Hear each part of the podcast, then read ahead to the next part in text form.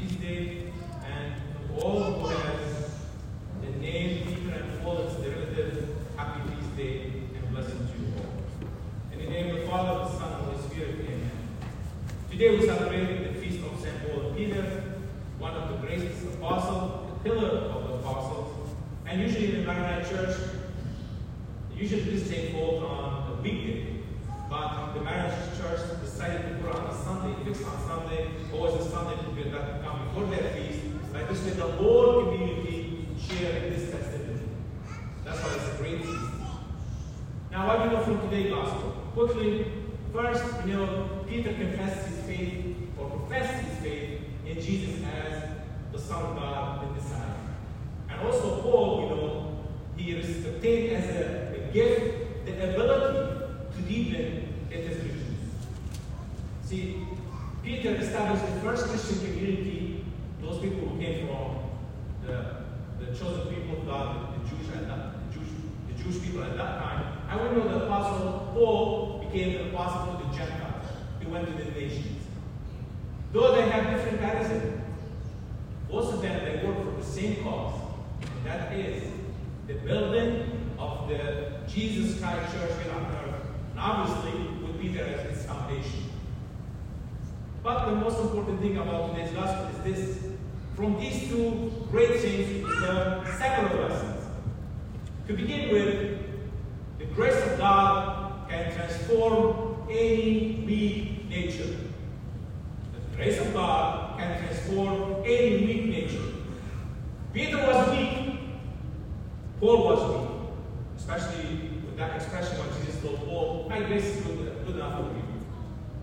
So, they were weak, but amazingly, when they with the grace of God, they became the great saints, great apostles. As weak as we are, we could become also great when we cooperate with the grace of God. See, regardless what our past is, if we decided to follow Jesus faithfully and sincerely, we will obtain forgiveness and salvation. Peter was a conservative leader, but Paul was a very charismatic preacher. So both of them, they helped within the church. Both of them, though they were different, they were united in faith and purpose. Now we know from the scripture they had that disagreement. But they were united in faith and purpose. And this is a good lesson for all of us. What this lesson would teach us, regardless of our differences, especially in this parish, if there's any differences, regardless of our differences, we could go beyond our differences and we build stronger and more unified and united parish. This is one good lesson. But the most important lesson is this. Since during these two years that we spoke about last Sunday, the National Eucharistic Revival, these two men, they drew their life from Jesus Christ himself, and I'm sure you guessed it, in the Holy Eucharist. So these two men, great men, drew their life from Jesus Christ himself in the Holy Eucharist. Are you asking how?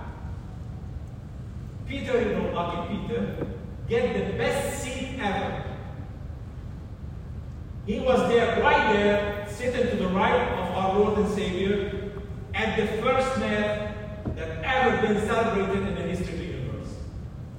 At the last supper. He was right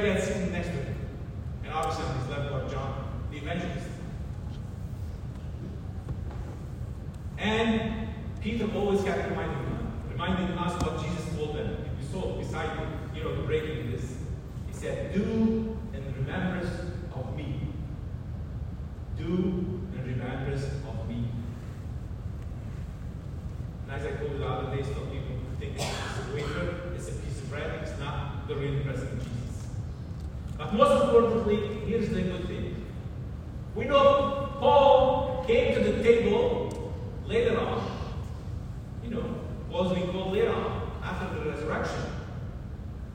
But Paul spoke very powerfully about the power and the presence of Jesus in the Holy Eucharist, especially in his letter to the Corinthians, the first letter, chapter 11, where this is the other place where we read about the word of institution or consecration that we pronounce in Aramaic when we do the fraction in the Eucharist.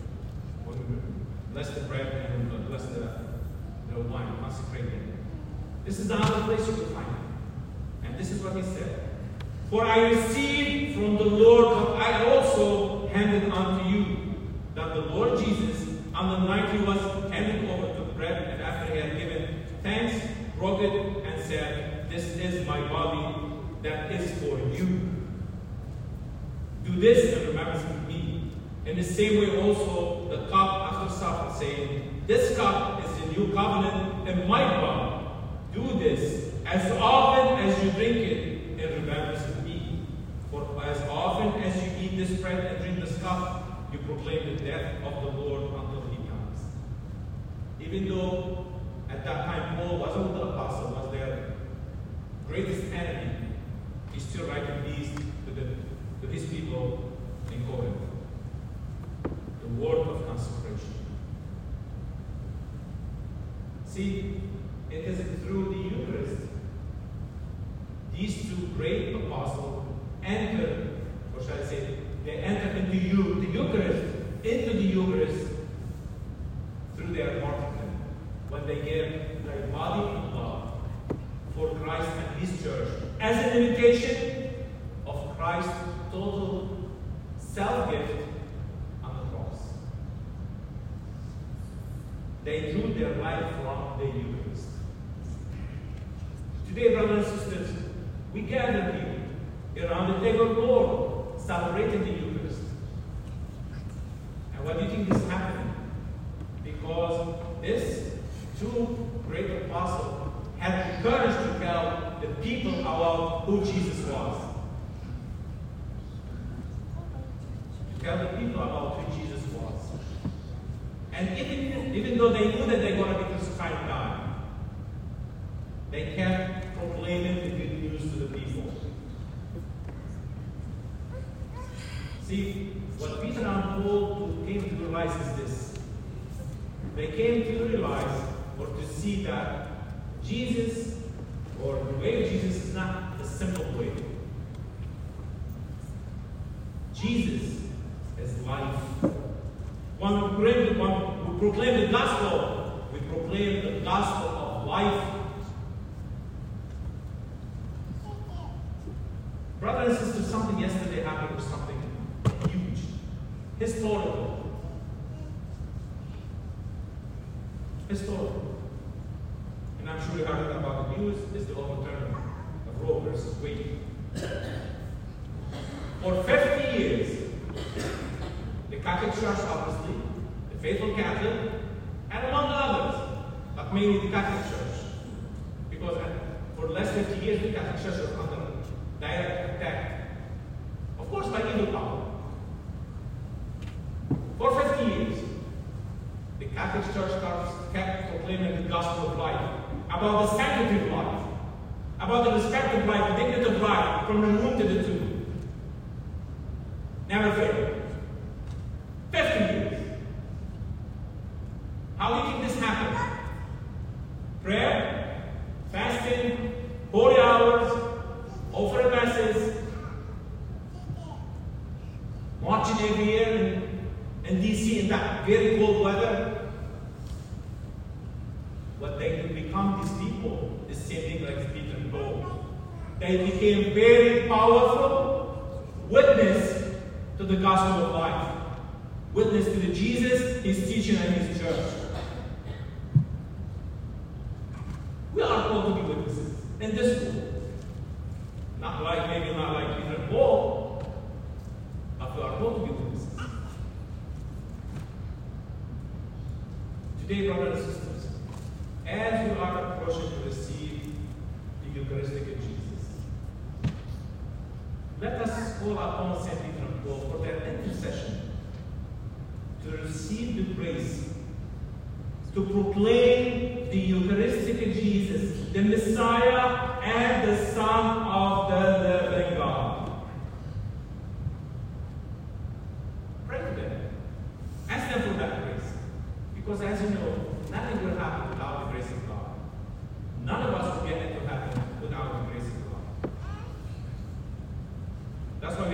Two great apostles as a model for us. Because whatever they did it, they've done it with the grace of God. God always was with them. And this is what we spoke about last Sunday. God is always with us, especially in the Holy Eucharist.